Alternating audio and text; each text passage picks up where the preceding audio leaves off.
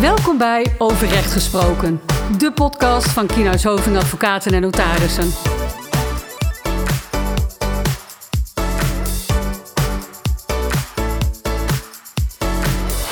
Welkom bij weer een nieuwe aflevering van Over Recht Gesproken, de podcastserie van Kienhuis Hoving. En uh, nou, Christina, volgens mij is dit uh, de tweede keer die wij samen doen. Ja, klopt. We hebben uh, twee weken geleden onze eerste podcast opgenomen en nu alweer de tweede. Dat beviel goed. Ja, het was super leuk om te doen en ook echt spannend. Um, en zoals ik al de vorige keer zei, ik ga dit zeker nog een keer doen. Dus vandaar dat we hier vandaag weer zitten om een nieuwe podcast op te nemen. Ja, en veel leuke reacties gehad. En, ja. Nou, volgens mij hebben we nu ook weer een, een leuk onderwerp uh, gevonden, namelijk uh, de distributieovereenkomst. Ja, het is wel rustig op dit moment. Het is immers vakantietijd, maar de distributieovereenkomst is toch een terugkerend onderwerp ook in deze zomerperiode. Precies. Um, misschien nog even kort onszelf uh, introduceren. Jazeker. Mijn naam is Christina Adam. Ik ben Duits van oorsprong en advocaat contractenrecht en handelsrecht. En ik werk met name in de German Desk van ons kantoor voor Duitsstalige cliënten. Ja, en uh, ik ben uh, Tom Pol. Ik ben advocaat ondernemingsrecht, contractenrecht. Um, en nou, wij hebben natuurlijk heel veel met elkaar samengewerkt. En ook vooral bij het opstellen en procederen over contracten. Ja, altijd leuk en super spannend. Ja, precies. En we hebben dus ook vaker procedures over dus distributieovereenkomsten. Ja, en um, nou, voordat wij van wal gaan, misschien goed om even kort uh, aan te geven wat we bespreken. We gaan eerst eventjes uh, uh, in op wat een distributieovereenkomst is. Maar de kern van deze podcast is toch wel, hoe kom je er weer vanaf? Precies, de vraag is dan, je hebt een distributieovereenkomst gesloten en kun je die dan opzeggen of kun je die ontbinden? En welke vereisten gelden daarvoor? Ja, en hoe doe je dat? Want daar zitten nogal wat uh, haken ja. en ogen aan. Ja, de meeste geschillen gaan inderdaad over de beëindiging van distributieovereenkomsten. Niet zozeer over inhoudelijke kwesties, maar met name over de beëindiging. Ja, en we sluiten uiteraard af met wat uh, praktische tips. Zoals altijd. Heb jij wel eens, uh, of nou laat ik het anders vragen, hoe, hoeveel, jij ziet veel contracten voorbij komen. Zeker. Um, kun je een percentage noemen van hoeveel contracten daar ongeveer betrekking hebben op distributiesamenwerkingen? Lastig om te zeggen, maar ik had er net vorige week weer eentje en deze week ook weer eentje. Dus ik zou zeggen in mijn praktijk zeker zo'n 60 procent. Ja, ja, ja, ja, precies. Ja. Vaak hebben die ook weer een internationaal verband, hè, dat er een uh, internationale distributeur uh, betrokken is. Zeker, want een distributieovereenkomst, om daar maar mee te beginnen, is dus een overeenkomst van wederverkoop. Dus je hebt een producent en die maakt een product en dat verkoopt die aan een distributeur. En de distributeur zit dus vaak in een ander land dan de producent. En verkoopt de zaken door op eigen naam en voor eigen risico aan weer een wederverkoper. Ja. Of bijvoorbeeld de eindkoper, de eindklant. Ja, dus een, een sprekend voorbeeld um, is denk ik de, de, de autodealer. Ja, Daar hadden zeker. wij het al even over. Mm -hmm. um, dus uh, bijvoorbeeld de, de Audi-dealer, die, die koopt zijn, uh, zijn auto in bij een partij. En die auto, auto verkoopt hij vervolgens weer door aan een zakelijke klant of een particuliere klant. Ja, vaak hebben autodealers een zogenoemd selectief distributiestelsel, zo heet het ook. En dat betekent dus inderdaad dat alleen maar autodealers die zijn aangesloten bij deze distributieovereenkomst, bij een distributiestelsel, de auto's mogen kopen en verkopen. Ja. Ja, dat is inderdaad een heel goed voorbeeld van een distributienetwerk. Ja, en een ander kenmerk van een distributieovereenkomst, hè, dus de overeenkomst waar je met jouw ja, partner de distributie, distributieafspraken in vastlegt. En een ander kenmerk is dat die niet in de wet is geregeld. Wat wil dat zeggen? We, we, kennen in Nederland benoemde en onbenoemde overeenkomsten. En benoemde overeenkomsten zijn de overeenkomsten waar de wet een regeling voor geeft. Denk aan de arbeidsovereenkomst. Of agentuur. Agentuur, overeenkomst van opdracht, die heel veel voorkomt. Of huur of koop. Precies. Maar, maar distributie dus niet. Distributie is een onbenoemde overeenkomst. De wet geeft daar dus geen uh, vaste regeling voor. Precies. Het enige wat we dus eigenlijk zeker weten is dat een distributieovereenkomst dus niet in de wet staat en dat het een duurovereenkomst is. Een duurovereenkomst? Ja. Duurovereenkomst betekent dat het is gericht op een voortdurende samenwerking tussen in dit geval vaak twee partijen, dus de producent en de distributeur. Juist. Dus het is gericht op een lange samenwerking voor enkele jaren. Precies, dus de verplichtingen van partijen die lopen in de tijd door. Ja, precies. Dus de distributeur die heeft de verplichting om de producten te kopen en te betalen. En de principaal om de producten te leveren. Maar oké, okay, maar, maar wat, hè? wat spreek je dan zoal af in zo'n overeenkomst? Dat zijn de belangrijke punten. Hè? Om te beginnen, even, even om die vraag alvast Ja. deels te beantwoorden. Mijn eigen vraag beantwoorden. Eh, maar hè, even, het, het, het, het uitgangspunt is in Ne- Nederland natuurlijk de contractsvrijheid. Hè? Dus dat je mag afspreken met, eh, met elkaar wat je maar wil. En omdat in de wet niet is geregeld, heb je dus in beginsel ook geen beperkingen in wat je afspreekt. Nee, dus je bent eigenlijk hè, Volledig vrij. Met, met eh, als, als ondernorm dan zeg maar de, de, de goede zeden, de openbare orde, et cetera. Maar kun je met elkaar afspreken wat je maar wil. Ja, een andere grens is bijvoorbeeld het mededingingsrecht. Zeker in distri- distributieovereenkomsten zijn daar bepaalde voorwaarden aan te stellen. Maar in beginsel ben je dus vrij. Je kunt afspraken maken over het territorium waarin de distributeur mag werken. Dus bijvoorbeeld Noord-Nederland, Zuid-Nederland of Duitsland, Spanje, Italië. Ook over de exclusiviteit van de distributeur, of er bijvoorbeeld nog een tweede is of een derde. Over het toepasselijke recht en de bevoegde rechter. Over after-sales services, over de prijs. En ook over de duur van de overeenkomst. Precies. En de duur van de overeenkomst, dat is nu net vaak een eh, gevoelig punt bij die distributieovereenkomsten. Zeker. Want, waar we het eerder al hadden over de benoemde overeenkomst, hè, daar geeft eh, in veel gevallen de wet ook een regeling over hoe je weer van die overeenkomst afkomt. Precies. Maar omdat de distributieovereenkomst niet in de wet is geregeld, staat er dus ook niet in wanneer je de overeenkomst kunt opzeggen. Op welke manier? Moet dat schriftelijk? Mag dat mondeling? Moet dat bij aangetekende brief? En daar staat ook niet in of je dan een opzegtermijn in acht moet nemen of niet. En hoe lang die moet zijn. Ja, precies. Dus eigenlijk heb je de vrijheid om dat zelf te regelen in je contract. Dat heb je trouwens sowieso. Hè? In de Ja. meeste gevallen kun je ook bij een benoemde overeenkomst eh, eh, in het contract afwijken van wat er in de wet staat. Juist. Maar eh, opvallend is dat bij de distributieovereenkomst dus geen wettelijke regeling geldt. Dus ehm, zul je daar zelf een regeling voor moeten bedenken of niet. Of niet, inderdaad. Dat gebeurt ook heel vaak. Dat partijen gewoon daar niet aan denken en niet afspreken. Ja, en dan moet je gewoon in de rechtspraak kijken van, ja, wa- wat doen we dan? Ja, ja. Maar goed, voordat we daar eh, nader op ingaan, dus de rechtspraak, hè, wat, welke regels uit de rechtspraak volgen met betrekking tot het opzeggen van zo'n distributieovereenkomst, is het misschien goed om even te kijken van oké, welke manieren zijn er dan om zo'n overeenkomst te beëindigen? Ja, Hè, want we hebben ontbinding ja en we hebben opzegging van een overeenkomst. En daar zit wel een heel cruciaal verschil tussen. Ja, nou bij ontbinding gaat het dan beginsel om dat een van de partijen bij de distributieovereenkomst iets niet goed heeft gedaan. Die is tekortgeschoten in de nakoming van de overeenkomst. En dan kan de andere partij ontbinden. Dus die heeft bijvoorbeeld niet op tijd de overeengekomen vergoeding betaald. Ja, of die heeft de producten niet op tijd geleverd. Kan ook. Ja, En eh, nou, nemen we dat voorbeeld even. De, de principaal noemen wij dat, de producent, die heeft niet op tijd geleverd. ja. En dan zegt de distributeur, nou ja, ik, ik heb hier genoeg van, ik wil niet meer, ik ga de overeenkomst ontbinden. En dat betekent dan eh, dat hij de overeenkomst in beginsel ook voor het verleden ontbindt. Dat wil hij natuurlijk vaak niet, want dan moet alles wat in het verleden is gebeurd ongedaan worden gemaakt. En dan kan hij zeggen, ik ontbind voor de toekomst. Dan Ja. eindigt de overeenkomst eh, nou ja, op het moment van ontbinding voor de toekomst. Dus, even resumerend, eh, als je op die manier van de overeenkomst af wil, dus je wil ontbinden, dan is een tekortkoming nodig. Ja, en ook verzuim. Dus het moet zo zijn dat je de partij die tekortschiet in de nakoming nog even een termijn geeft om alsnog na te komen. Eh, en als die dat niet doet, is die in verzuim, noemen we dat. En dan kun je ontbinden.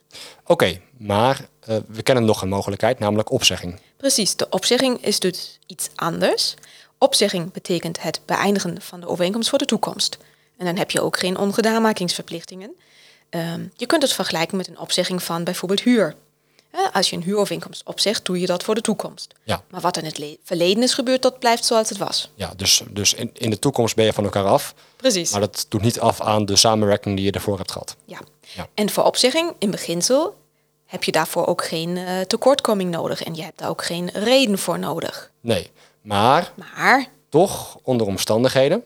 Ja, ik zeg in beginsel inderdaad, want zoals we straks zullen zien, eh, er is heel veel rechtspraak over de opzegging van distributieovereenkomsten. En daar hebben de rechtbanken en de hoven en de Hoge Raad gezegd dat het soms zo kan zijn dat je toch wel een zwaarwegende grond nodig hebt voor de opzegging. Ja, en die rechtspraak is dus inderdaad heel bepalend voor het eh, regime wat hier eh, geldt. Ja, Ehm, grappig om te zeggen, misschien die rechtspraak voert helemaal terug tot in de, volgens mij 1999 ergens. Toen was Latour Ja. tegen de Bruin. We, we gaan niet helemaal eh, uitlichten hoe dat eh, in elkaar zit hoor. Dat gaat wat te ver voor deze podcast. Maar die rechtspraak die is, eh, het is echt een ontwikkeling in de rechtspraak geweest. Waarin de regels uiteen zijn gezet die hierbij gelden. Ja, en het is ook een onderwerp dat voortdurend uh, in ontwikkeling is. Dus wat vandaag geldt, hoeft over twee jaar niet uh, nog steeds geldig te zijn. Er is dus heel veel gebeurd de laatste jaren, zeker de laatste tien jaren. Um, dus het is altijd goed om weer even te, te controleren of de, de rechtspraak die je in je hoofd hebt nog wel geldig is of niet. Ja, maar um, nou, volgens mij op dit moment, hè, dus als we dan kijken naar die distributieovereenkomst, we weten dat het een uh, overeenkomst is die een langere looptijd heeft, een mm -hmm. voortdurende overeenkomst is. Mm -hmm. Dan moet je eerst onderscheid gaan maken tussen is het een overeenkomst voor bepaalde tijd of is het een distributieovereenkomst voor onbepaalde tijd. Wat is het verschil? Nou, het verschil is een overeenkomst voor bepaalde tijd betekent dus dat de overeenkomst bijvoorbeeld wordt aangegaan voor vijf jaar of tien jaar of vijftien jaar. Dus voor een bepaalde periode. Een vastomlijnde periode. Vastomlijnde periode, precies. En uh, zo'n overeenkomst kun je in beginsel niet opzeggen. Die eindigt gewoon aan het einde van de looptijd. Oké, okay, dus afspraak is afspraak. Afspraak is afspraak. En een overeenkomst voor onbepaalde tijd, dus dan weet je nog niet hoe lang die voortduurt. Die duurt gewoon totdat een van partijen die beëindigt, bijvoorbeeld door opzegging. Ja, dus in beginsel is een overeenkomst voor onbepaalde tijd gewoon te alle tijden opzegbaar. In beginsel ja. ja. Okay. En een overeenkomst dus voor bepaalde duur niet. Check. Ja. Maar um, nu hebben we wel een paar keer gezegd in beginsel, in beginsel. In beginsel, in beginsel, ja. in beginsel. Daar houden wij van, hè? Favoriete ja. woorden. Ja. Net zoals we altijd zeggen, het hangt daarvan af. In principe, we hebben gewoon een paar synoniemen, synoniemen om dat allemaal... Uh, ja. Maar zeker bij een onderwerp als distributieovereenkomsten ontkom je daar niet aan, omdat uh, je naar de rechtspraak moet kijken en die is ook vaak gewoon vaag. Ja. Want de vraag hoe je ontbindt, uh, sorry, opzegt en uh, welke opzichttermijn je bijvoorbeeld in acht moet nemen, hangt af van alle omstandigheden van het geval. Wat we daarmee bedoelen is eigenlijk dat, laten we beginnen met de situatie dat je een overeenkomst hebt en daar staat een bepaling in over de opzegbaarheid.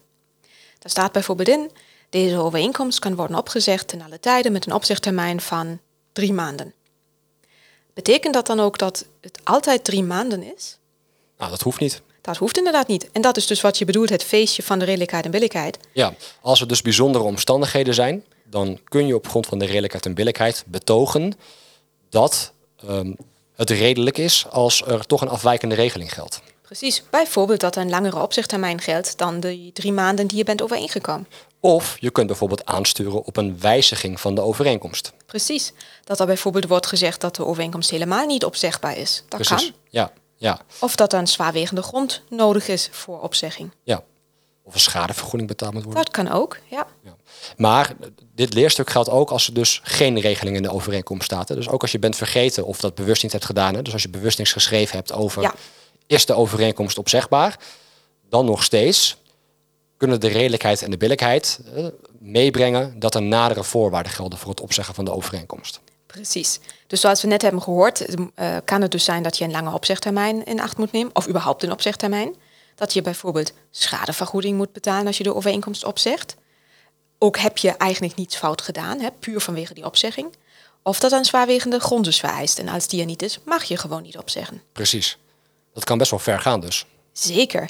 Uh, er zijn uitspraken geweest waarbij werd gezegd dat je die overeenkomst gewoon niet mag opzeggen. Ja, dat is wel vervelend. Ja, zeker.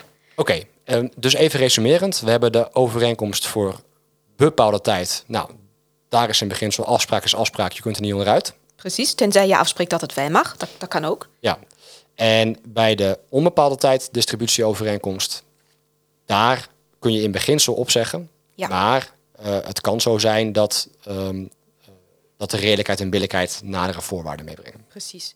En dan is natuurlijk nu de vraag, ja, welke omstandigheden zijn het dan? Wat is hier relevant? Ja.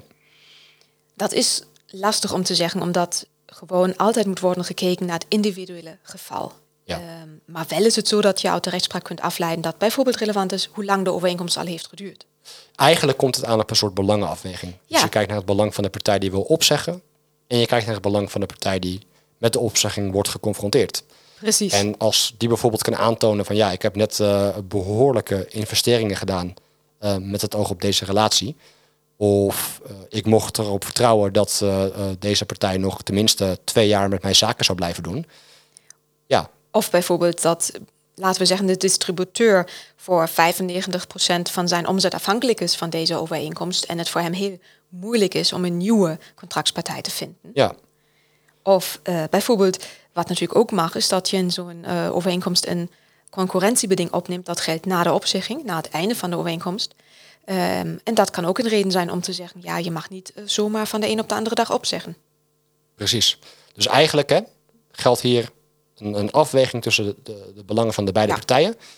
Um, en daar kun je gewoon heel veel omstandigheden bij, bij aanvoeren. En het is ook belangrijk om dan uh, goed te onderbouwen waarom die omstandigheden voor jou zo belangrijk zijn. Precies. Dus je kunt niet volstaan met te zeggen: ik ben het niet eens met de opzegging. Je moet daar goed onderbouwen hoezo en waarom.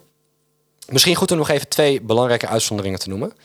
Um, enerzijds kan een overeenkomst, hè, misschien ook wel een soort gemengde overeenkomst zijn. Dat het ja. enerzijds wel ja, lijkt op een distributieovereenkomst, maar anderzijds ook wel heel erg sterk lijkt op een ander type overeenkomst. Bijvoorbeeld een, uh, een huurovereenkomst, een overeenkomst van opdracht. Of agentuur Agentuurovereenkomst.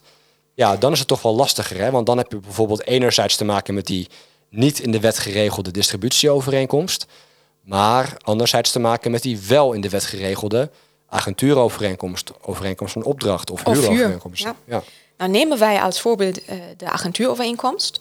Um, een distributieovereenkomst kan dus ook kenmerken hebben van agentuur. Ja, bij agentuur, dat, ja. dat ziet er iets anders uit, hè? Ja, precies. Agentuur betekent dat de agent die koopt de producten dus niet zelf, wat de distributeur wel doet, maar hij bemiddelt bij de totstandkoming van de koopovereenkomst. Precies, en daar krijgt hij een vergoeding voor. Daar krijgt hij een vergoeding voor. Vaak per afgesloten contract. Ja. ja. Um, en er zijn dus uh, distributieovereenkomsten, zeg ik maar, die ook dus zeggen, uh, de distributeur doet ook een deeltje agentuur. Ja. Bijvoorbeeld producten ABC is die dus distributeur en voor product F is die agent. Ja, ja. En dan is de vraag, welke regeling moet je toepassen? Ja, lastig, want voor agentuur heb je in de wet uh, regelingen voor juist de opzegging en de opzeggingsgronden en de duur enzovoort. Ja, bij distributie heb je dat niet. Ja. Nou, dan is het inderdaad zo dat je ook hier weer uh, moet kijken naar een belangenafweging. Uh, en die kijkt dus welk gedeelte van de overeenkomst overheerst is het meer agentuur? Is het meer distributie? Nou, en dan moet je kijken welke regeling is hier van toepassing. Dus bijvoorbeeld distributie of agentuur. Ja, ja. En je kijkt dan eigenlijk welk gedeelte overheerst. En stel nou dat zo'n overeenkomst voor 90% distributie is en voor 10% agentuur. Dan durf ik wel de verdediging dat die agentuurregeling niet van toepassing is. Ja, dus eigenlijk ga je hier inzoomen op hoe zien de afspraken, de werkwijze, de samenwerking tussen partijen er feitelijk uit? Precies. Wat overheerst er? Ja. En uh, het is verdedigbaar dat dan dat regime geldt. Ja. Maar stel nou dat het voor 60% agentuur is en voor 40% distributie, ja, dan wordt het wel moeilijk. Ja. Uh, dan zou mijn advies, om maar meteen een tip te geven, zijn dat zo'n overeenkomst bijvoorbeeld beter kan worden gesplitst. Ja. In een, ja. een duidelijk agentuurgedeelte en een duidelijk distributiegedeelte. Een andere uitzondering is nog, um, ja, soms heb je ook wel eens een beetje verscholen opzegclausules. Ik bedoel, je kunt natuurlijk in een contract, in de distributieovereenkomst, gewoon een, uh, een bepaling opnemen met uh, tussentijdse opzegging. Maar heel vaak komt die opzegging ook weer terug in andere bepalingen. Ja, Denk dat- bijvoorbeeld aan een change of control, faillissement. faillissement. Of uh, dat, dat er staat dat als je niet op tijd uh, aan je verplichtingen voldoet, dat dan automatisch de andere partij mag opzeggen. Precies. Zoiets. Ja, dat, dat komt dus eigenlijk ook neer op een soort opzegclausule. In, juridisch gezien is het wel vaak ontbinding en niet opzegging. Hè, want de, want de, de gronden voor de beëindiging liggen vaak in een tekortkoming van de andere partij. Ja, Maar goed, het staat er ook vaak als opzeggingsclausule in. ja, ja.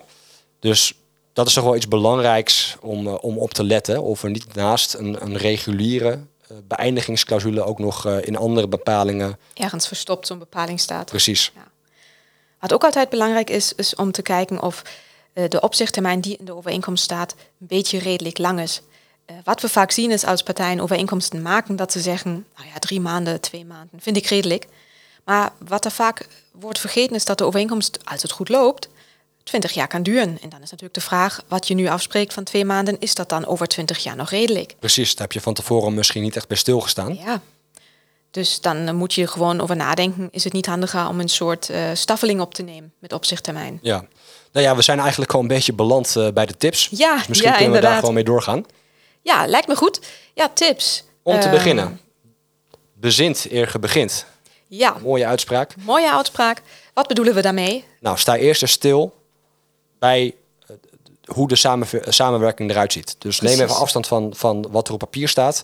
En denk even na van oké, welk juridisch jasje past hierbij? Ja. En daar moet je gewoon over nadenken wat je feitelijk doet. Dus koopt een partij producten van een andere partij, dan is het vaak distributie. Of is het meer zo dat één partij bemiddelt bij de totstandkoming van een contract, dan is het agentuur. Ja. waarom is dit nu belangrijk? Nou, om te kwalificeren. Dus Precies. zodat je kunt kijken van oké, ehm, heeft deze samenwerking misschien de kenmerken van de in de wet genoemde overeenkomst? Zo ja, welke overeenkomst is dat dan? Of is dat helemaal niet het geval en heb je te maken met een onbenoemde overeenkomst? Dat is belangrijk, zodat je weet of je te maken hebt met een wettelijk regime. Precies.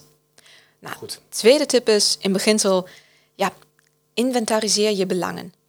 Uh, heb je belang aan een lange looptijd en dat je gewoon heel lang bent gebonden aan de overeenkomst?